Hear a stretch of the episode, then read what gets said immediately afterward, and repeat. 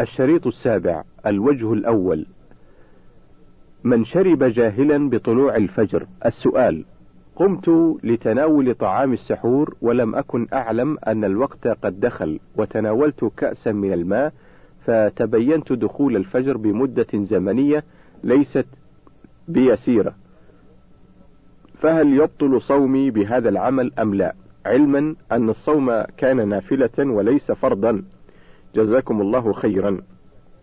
الجواب إذا كان أكلك وشربك بعد طلوع الفجر جاهلا بطلوع الفجر فإنه لا إثم عليك ولا قضاء لعموم الأدلة الدالة على أن الإنسان لا يؤاخذ بجهله ونسيانه.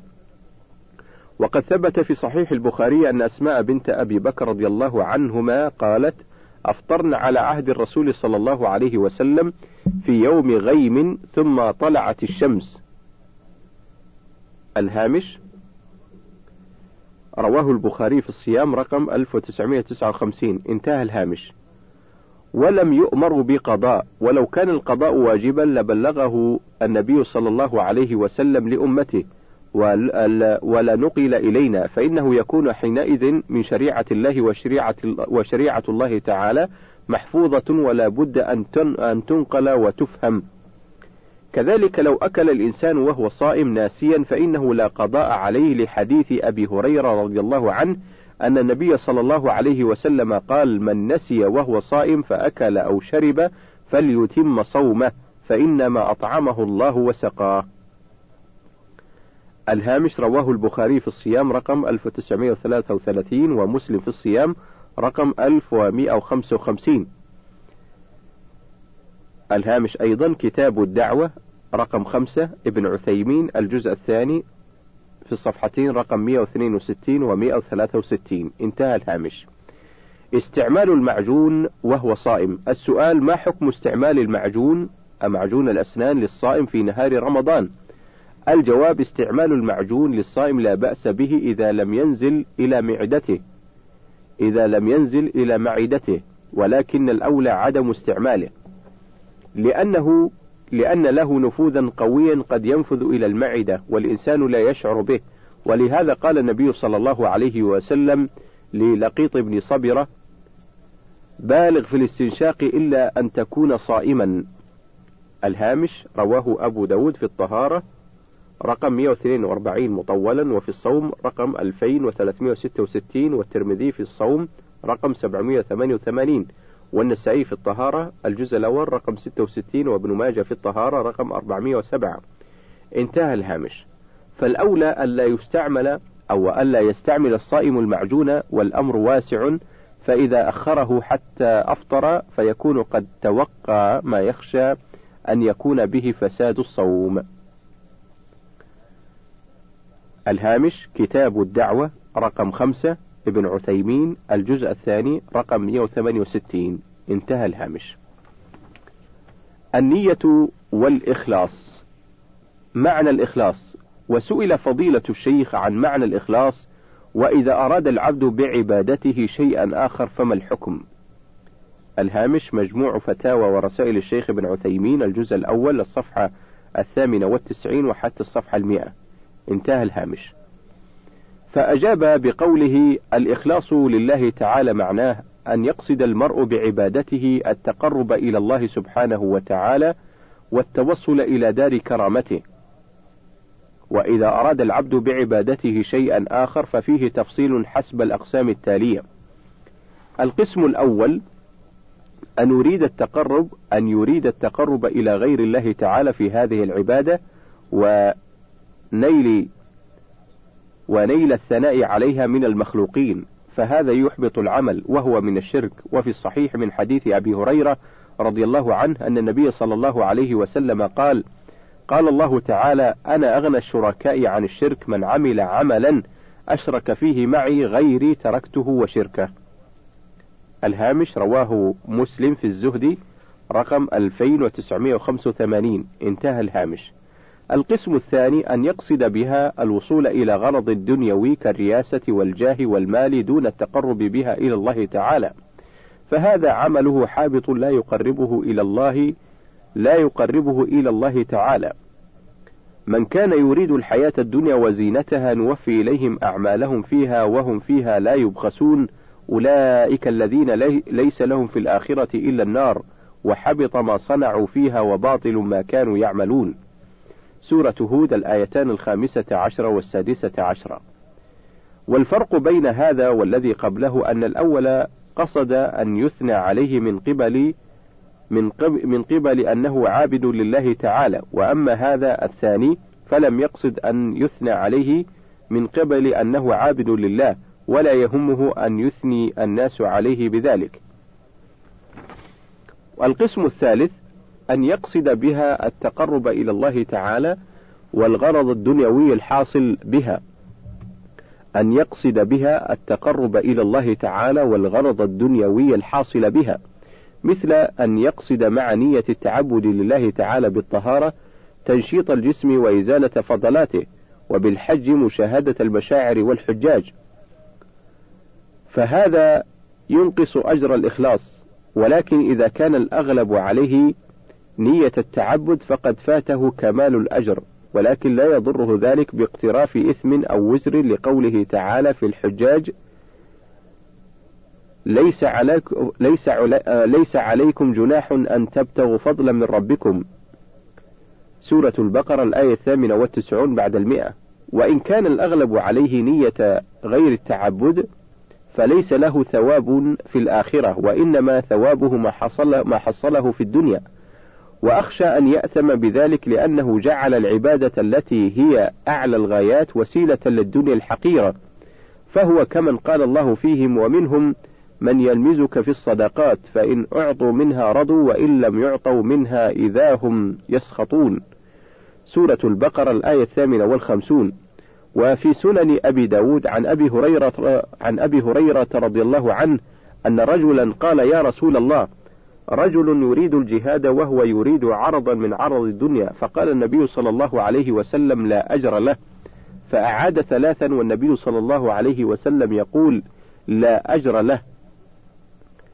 الهامش رواه أبو داود في الجهاد رقم 2516 وأحمد في الجزء الثاني رقم 290 و366 وفي إسناده يزيد ابن مكرز وهو مجهول. وانظر تعليق أحمد شاكر في على المسند رقم 7887 انتهى الهامش.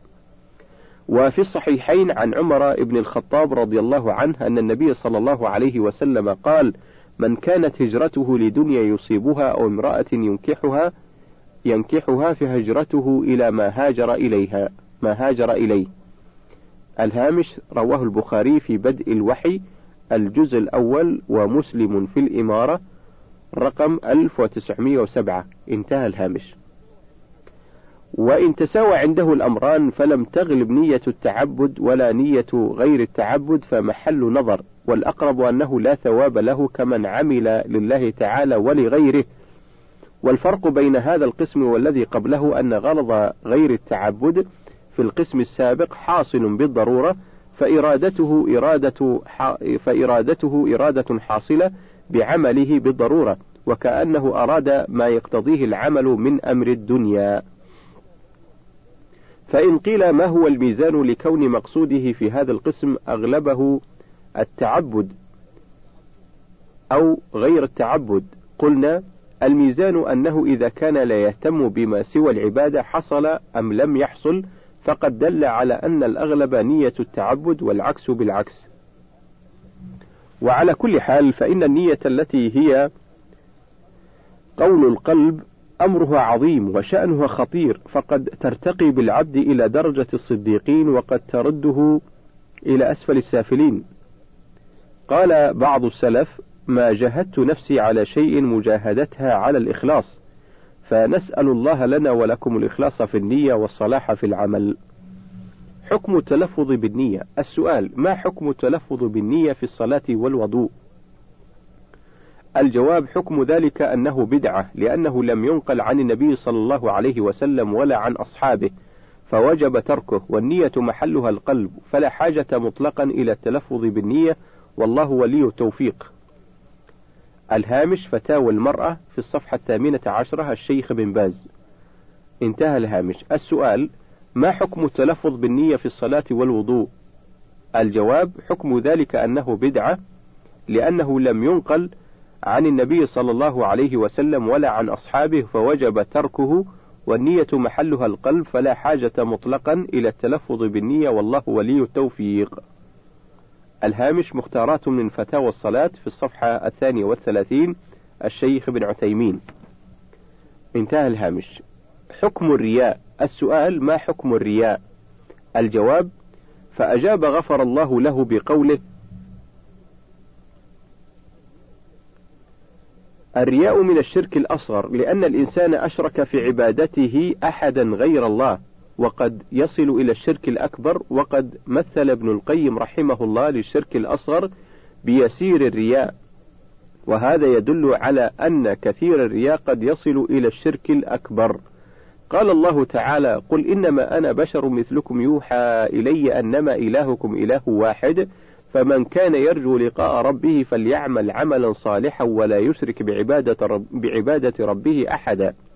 سورة الكهف الآية العاشرة بعد المئة. والعمل الصالح ما كان صوابا خالصا والخالص ما قصد به وجه الله. والخالص ما قصد به وجه الله والصواب ما كان عليه شريعة الله. فما قصد به غير الله فما قصد به غير الله فليس بصالح.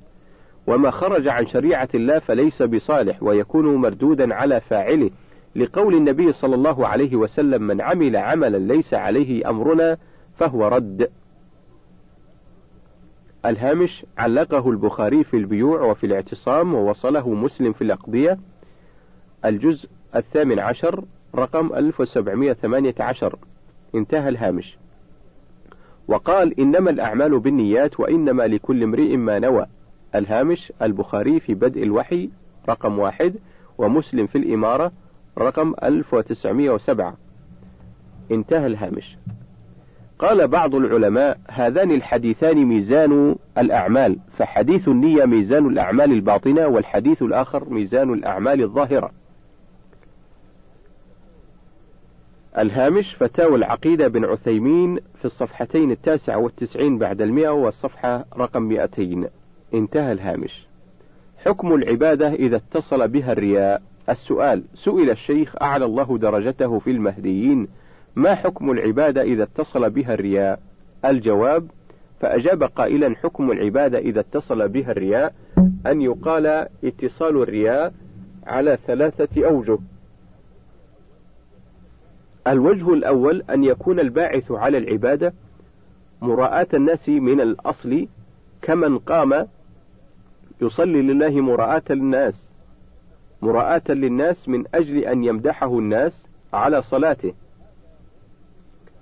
فهذا مبطل للعبادة. الوجه الثاني أن يكون مشاركا للعبادة في أثنائها بمعنى أن يكون الحامل له في أول أمره الإخلاص أن يكون الحامل له في أول أمره الإخلاص لله. ثم طرأ الرياء في أثناء العبادة فهذه العبادة لا تخلو من حالين الحال الأولى ألا يرتبط ألا يرتبط أول العبادة بآخرها فأولها صحيح بكل حال وآخرها باطل. مثال ذلك رجل عنده مئة ريال يريد أن يتصدق بها فتصدق بخمسين منها صدقة خالصة ثم طرأ عليه الرياء في الخمسين الباقية. فالأولى صدقة صحيحة مقبولة والخمسون الباقية صدقة باطلة لاختلاط الرياء فيها بالإخلاص. الحال الثانية أن يرتبط أول العبادة بآخرها فلا يخلو الإنسان حينئذ من أمرين. الأمر الأول أن يدافع الرياء فلا ولا يسكن إليه. أن يدافع الرياء ولا يسكن إليه بل يعرض عنه بل يعرض عنه ويكرهه. فإنه لا يؤثر شيئا لقوله صلى الله عليه وسلم إن الله تجاوز عن أمتي ما حدثت بها أنفسها ما حدثت به أنفسها وما ما لم تعمل أو تتكلم. إن الله تجاوز عن أمتي ما حدثت به أنفسها ما لم تعمل أو تتكلم. الهامش رواه البخاري في الطلاق رقم 5269 ومسلم في الإيمان رقم 127 انتهى الهامش. الأمر الثاني أن يطمئن إلى هذا الرياء ولا يدافعه. ولا يدافعه. فحينئذ تبطل جميع العبادة لأن أولها مرتبط بآخرها مثال ذلك أن يبتدي الصلاة مخلصا بها لله تعالى ثم يطرأ عليها الرياء في الركعة الثانية فتبطل الصلاة كلها لارتباط أولها بآخرها. الوجه الثالث أن يطرأ الرياء بعد انتهاء العبادة فإنه لا يؤثر عليها ولا يبطلها لأنها تمت صحيحة فلا تفسد بحدوث الرياء بعد ذلك. وليس من الرياء أن يفرح الإنسان بعلم الناس بعبادته لأن هذا إنما طرأ بعد الفراغ من العبادة وليس من الرياء أن أن يسر الإنسان بفعل الطاعة. لأن ذلك دليل إيمانه. قال النبي صلى الله عليه وسلم من سرته حسنته وساءته سيئته فذلك المؤمن. الهامش رواه الترمذي في الفتن رقم 2165 وأحمد الجزء الأول رقم 26 انتهى الهامش. وقد سئل النبي صلى الله عليه وسلم عن ذلك فقال تلك عاجل بشرى المؤمن.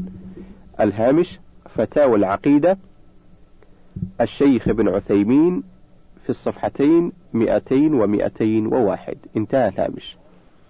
التمسح بالإسلام لنيل المآرب لا يجوز. السؤال ما قول العلماء الكرام في من يستغلون الإسلام لتحقيق أغراضهم الشخصية؟ الجواب الإسلام دين الحق. مثل ما هو معروف ولله الحمد كما قال الله تعالى لنبيه محمد لنبيه محمد صلى الله عليه وسلم إن أرسلناك بالحق بشيرا ونذيرا. سورة البقرة الآية التاسعة عشر بعد المئة. ودين الإسلام أرفع وأعز وأعلى من أن يجعله الإنسان غرضا لوصوله إلى أغراضه الشخصية. وأن كل إنسان يدعي أنه من أنصار الإسلام وحماته فإنه يجب أن تعرض أقواله على أفعاله حتى يتبين أنه صادق في ذلك. لأن المنافقين يقولون عن تمسكهم بالإسلام ما إذا سمعهم الرجل قال هؤلاء هم المؤمنون؟ كما قال الله تبارك وتعالى إذا جاءك المنافقون قالوا نشهد إنك لرسول الله سورة المنافقون الآية الأولى ثم قال تعالى والله يعلم إنك لرسوله والله يشهد إن المنافقين لكاذبون اتخذوا أيمانهم جنة فصدوا عن سبيل الله إنهم ساء ما كانوا يعملون. سورة المنافقون الآية الأولى والثانية. إلى أن قال تعالى: وإذا رأيتهم تعجبك أجسامهم وإن يقولوا تسمع لقولهم كأنهم خشب مسندة يحسبون كل صيحة عليهم هم العدو فاحذرهم قاتلهم الله أن يؤفكون. سورة المنافقون الآية الرابعة. فعند المنافقين من البيان والفصاحة ما إذا سمعه الإنسان سمع لقولهم وظن أنهم على حق وصواب وعلى كل حال فإنه لا يجوز للإنسان أن يتمسح بالدين الإسلامي لينال مآربه بل عليه أن يتمسك بدين الإسلام لينال ثمراته الجليلة التي منها العز والتمكين في الأرض قبل ثواب الآخرة. قال الله عز وجل وعد الله الذين آمنوا منكم وعملوا الصالحات لا يستخلفنهم في الأرض كما استخلف الذين من قبلهم وليمكنن لهم دينهم الذي ارتضى لهم وليبدلنهم من بعد خوفهم أمنا يعبدونني لا يشركون بي شيئا سورة النور الآية الخامسة والخمسون وقال الله عز وجل من عمل صالحا من ذكر أو أنثى وهو مؤمن فلا نحيينه حياة طيبة ولنجزينهم أجرهم بأحسن ما كانوا يعملون. سورة النحل الآية السابعة والتسعون. الهامش فتاوى ابن عثيمين كتاب الدعوة من الصفحة الثالثة والثلاثين وحتى الخامسة والثلاثين انتهى الهامش. إنما الأعمال بالنيات. الهامش فتاوى للموظفين والعمال اللجنة الدائمة الصفحة السادسة والستون انتهى الهامش. السؤال تبرعت لمشروع خيري خوفا وخجلا من الرئيس المباشر في العمل ولو ترك المجال لي لم أتبرع ولو بنصف قرش فهل لي ثواب كامل على عملي هذا كما لو كنت قد تبرعت لهذا المشروع من حسن خاطر واختيار مني مع الدليل. الهامش إذا كان الأمر كما الجواب إذا كان الأمر كما ذكرت فأنت لا تؤجر على هذا المبلغ لأنك لم تقصد به وجه الله وإنما قدمته لوجه صاحبك خوفا منه وقد ثبت عن رسول الله صلى الله عليه وسلم أنه قال إنما الأعمال بالنيات وإنما لكل امرئ ما نوى الحديث. الهامش رواه البخاري في بدء الوحي رقم واحد ومسلم في الإمارة رقم 1907 انتهى الهامش. الاعتصام بالكتاب والسنة وحكم الطاعنين والمعاندين. ليس في الدين قشور. السؤال ما حكم الشرع في من يقول إن حلق اللحية وتقصير الثوب قشور وليست أصولا في الدين أو في من يضحك ممن فعل هذه الأمور؟ الجواب هذا الكلام خطير ومنكر عظيم وليس في الدين قشور بل كله لب وصلاح وإصلاح. وينقسم إلى أصول وفروع ومسألة اللحية وتقصير وتقصير الثياب من الفروع لا من الأصول لكن لا يجوز أن يسمى شيء من أمور الدين قشورا. ويخشى على من قال مثل هذا الكلام متنقصا ومستهزئا أن يرتد بذلك عن دينه لقوله لقول الله سبحانه قل أب الله وآياته ورسوله كنتم تستهزئون لا تعتذروا قد كفرتم بعد إيمانكم. سورة التوبة الآيتان الخامسة والستون والسادسة والستون. والرسول صلى الله عليه وسلم هو الذي أمر بإعفاء اللحية وإرخائها وتوفيرها وقص الشوارب وقص الشوارب وإحفائها فالواجب طاعته وتعظيم أمره ونهيه في جميع الأمور. وقد ذكر أبو محمد بن حزم إجماع العلماء على أن إعفاء اللحية وقص الشارب أمر مفترض. ولا شك أن السعادة والنجاة والعزة والكرامة والعاقبة الحميدة في طاعة الله ورسوله وأن الهلاك والخسران وسوء العاقبة في معصية الله ورسوله.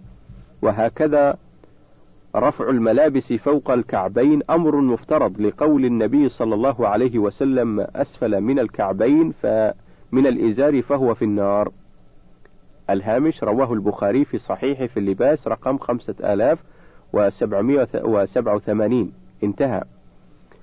وقوله صلى الله عليه وسلم ثلاثة لا يكلمهم الله ولا ينظر إليهم يوم القيامة ولا يزكيهم ولهم عذاب أليم. المسبل إزارة والمنان فيما أعطى والمنفق والمنفق سلعته بالحلف الكاذب. الهامش رواه مسلم في صحيحه في الإيمان رقم 106 انتهى الهامش. وقال صلى الله عليه وسلم لا ينظر الله إلى من جر ثوبه خيلا الهامش متفق عليه. البخاري في اللباس رقم 5783 ومسلم في اللباس رقم 2085 انتهى الهامش. فالواجب على الرجل المسلم أن يتقي الله وأن يرفع ملابسه سواء كانت قميصا أو إزارا أو سراويل أو بشتا وألا تنزل عن الكعبين. والأفضل أن تكون ما بين النصف نصف الساق إلى الكعب. وإذا كان الإسبال عن خيلاء كان الإثم أعظم وإذا كان عن تساهل لا عن كبر فهو منكر وصاحبه آثم. لكن إثمه دون إثم المتكبر ولا شك أن الإسبال وسيلة إلى الكبر. وإن زعم صاحبه أنه لم يفعل ذلك تكبرا ولأن الوعيد في الأحاديث عام فلا يجوز التساهل بالأمر. وأما قصة الصديق رضي الله عنه وقوله للنبي صلى الله عليه وسلم إن إزاري يسترخي إلا أن أتعاهده فقال له النبي صلى الله عليه وسلم إنك لست ممن يفعله خيلاء. الهامش رواه البخاري في اللباس رقم خمسة آلاف وسبعمائة وأربعة وثمانين.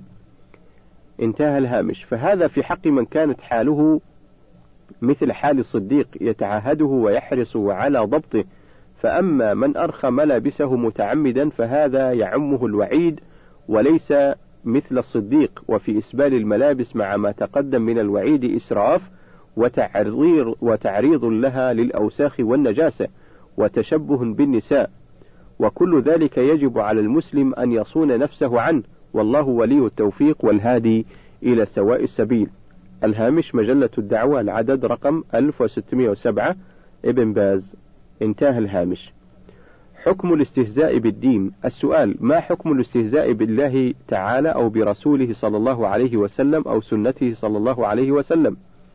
الجواب الاستهزاء بالله تعالى أو برسوله صلى الله عليه وسلم أو سنة رسوله صلى الله عليه وسلم كفر وردة يخرج به الإنسان من الإسلام لقول الله تعالى ولئن سألتهم ليقولن إنما كنا نخوض ونلعب. قل أب الله وآياته ورسوله كنتم تستهزئون. لا تعتذروا قد كفرتم بعد إيمانكم. سورة التوبة الآيتان الخامسة والستون والسادسة والستون. فكل من استهزأ بالله أو برسوله صلى الله عليه وسلم أو سنة رسوله فإنه كافر مرتد يجب عليه أن يتوب إلى الله تعالى.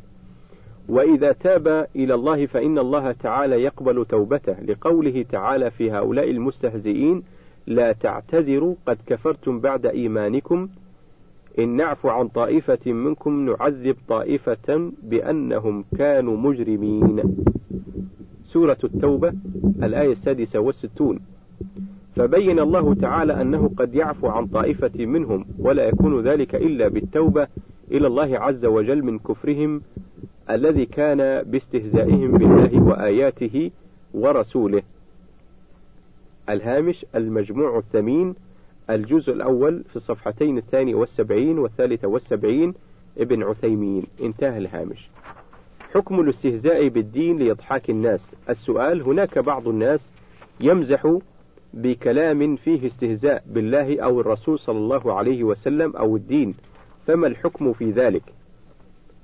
نقول إن هذا العمل وهو الاستهزاء بالله أو رسوله صلى الله عليه وسلم أو كتابه أو دينه ولو كان على سبيل المزاح ولو كان على سبيل المزح ولو كان على سبيل إضحاك القوم نقول إن هذا كفر ونفاق وهو نفس الذي وقع في عهد النبي صلى الله عليه وسلم في الذين قالوا ما رأينا مثل قرائنا هؤلاء أرغب بطونا ولا أكذب ألسنا.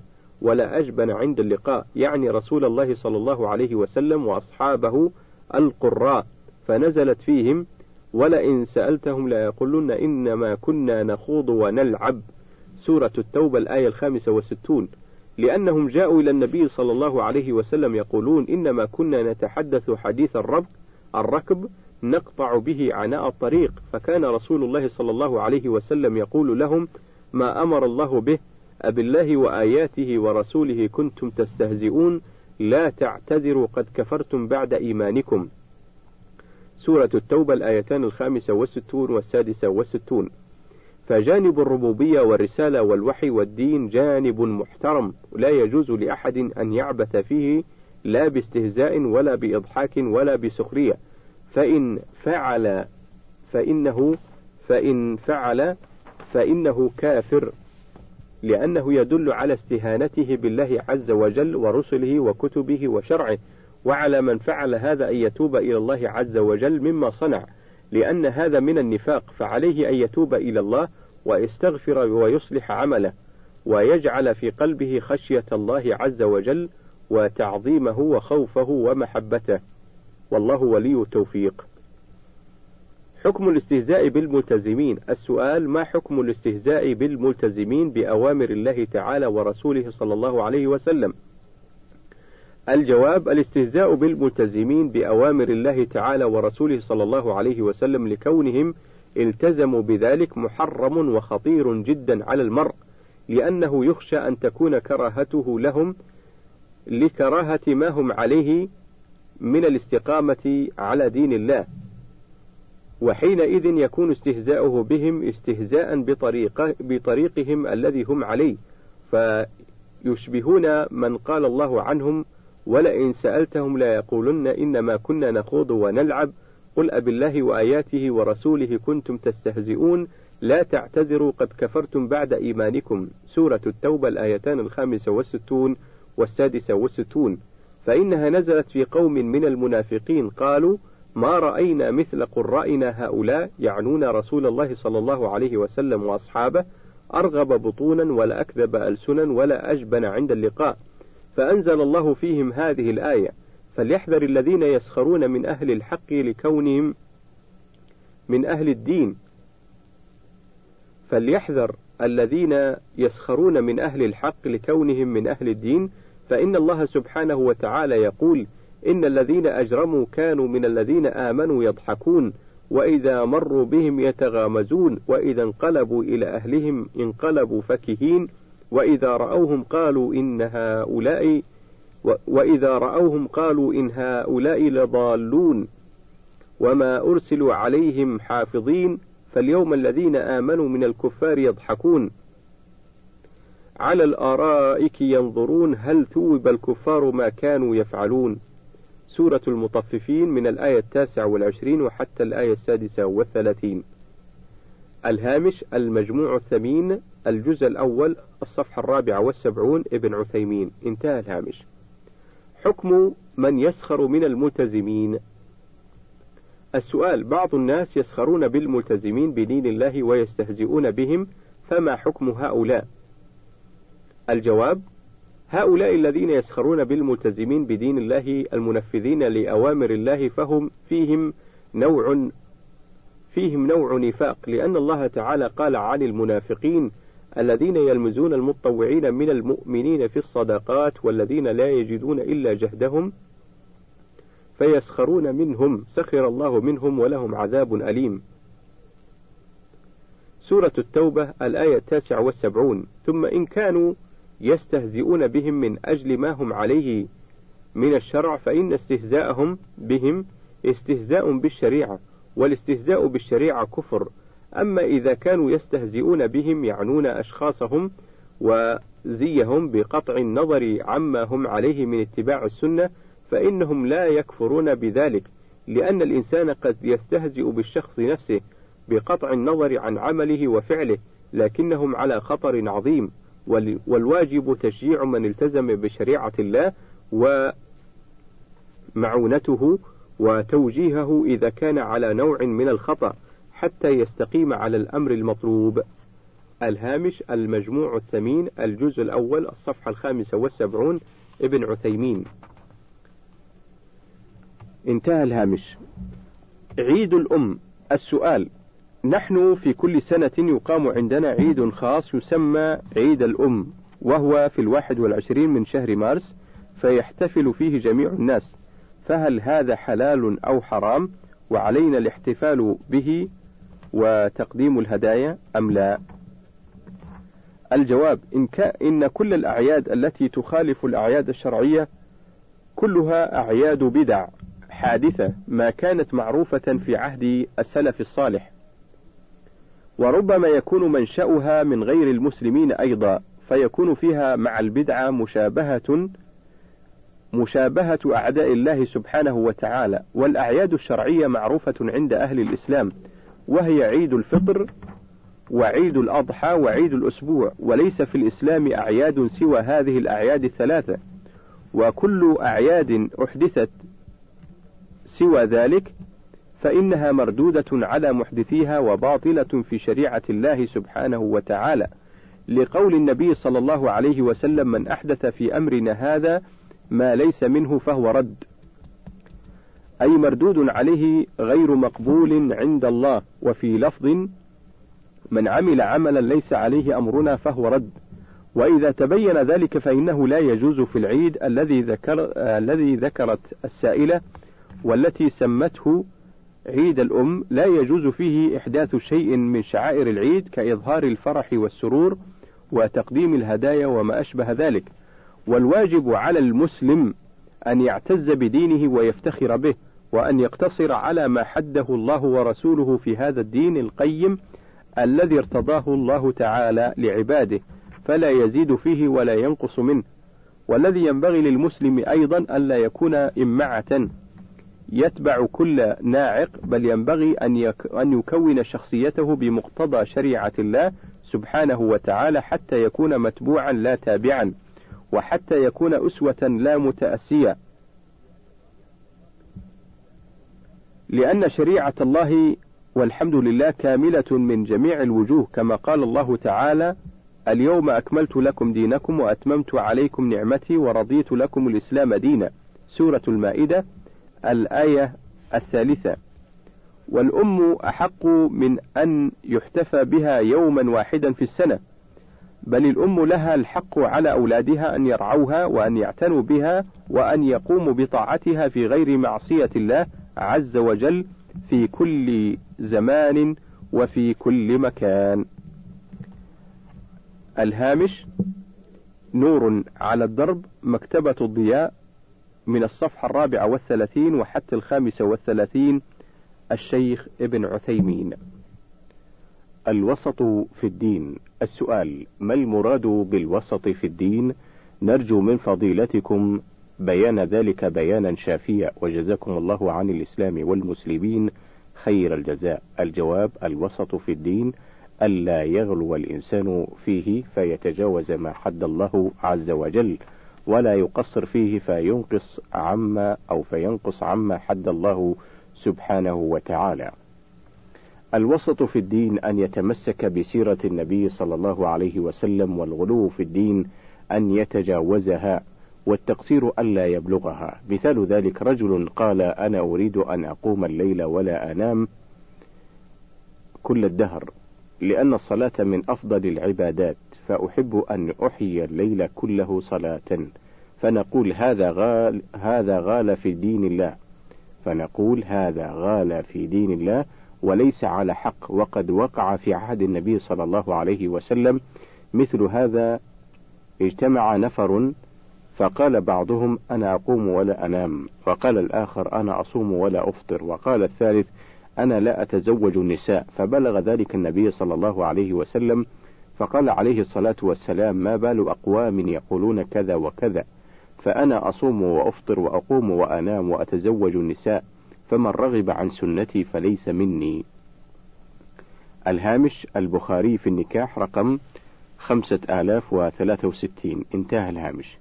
فهؤلاء غلوا في الدين وتبرأ منهم الرسول صلى الله عليه وسلم لأنهم رغبوا عن سنته صلى الله عليه وسلم التي فيها صوم وإفطار وقيام ونوم وتزوج نساء.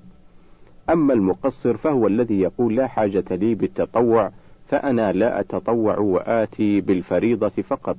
وربما أيضا يقصر في الفرائض فهذا مقصر. والمعتدل هو الذي يتمشى على ما كان عليه الرسول صلى الله عليه وسلم وخلفاؤه الراشدون.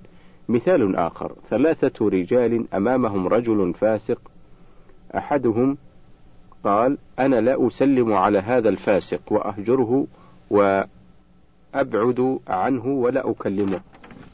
والثاني يقول أنا أمشي مع هذا الفاسق وأسلم عليه وأبش وأبش في وجهه وأدعوه عندي وأجيب دعوته وليس عندي إلا كرجل صالح. والثالث يقول هذا الفاسق أكرهه لفسقه وأحبه لإيمانه. ولا أهجره إلا حيث يكون الهجر سببا لإصلاحه. فإن, فإن لم يكن الهجر سببا لإصلاحه بل كان سببا لازدياده في فسقه فأنا لا أهجره. فنقول الأول مفرط غالي من الغلو والثاني مفرط مقصر والثالث متوسط. وهكذا نقول في سائر العبادات ومعاملات الخلق الناس فيها بين مقصر وغال ومتوسط. ومثال ثالث رجل كان أسيرا لامرأته توجهه حيث شاءت لا يردها عن إثم ولا يحثها على فضيلة فقد ملكت عقله وصارت هي القوامة عليه. ورجل آخر عنده تعسف وتكبر وترفع على امرأته لا يبالي بها وكأنها عنده آه، أقل من الخادم. ورجل ثالث وسط يعاملها كما أمر الله ورسوله ولهن مثل الذي عليهن بالمعروف. سورة البقرة الآية الثامنة والعشرون بعد المئتين. لا يفرك مؤمن مؤمنة إن كره منها خلقا رضي منها خلقا آخر. الهامش رواه مسلم في الرضاع رقم 1469 انتهى الهامش. فهذا الأخير متوسط والأول غالي في معاملته زوجته والثالث مقصر. وقس على هذه بقية الأعمال والعبادات. الهامش المجموع الثمين الجزء الأول في الصفحة التاسعة والثلاثين الشيخ ابن عثيمين. انتهى الهامش. وبهذا ينتهي الوجه الأول وننتقل إلى الوجه الثاني.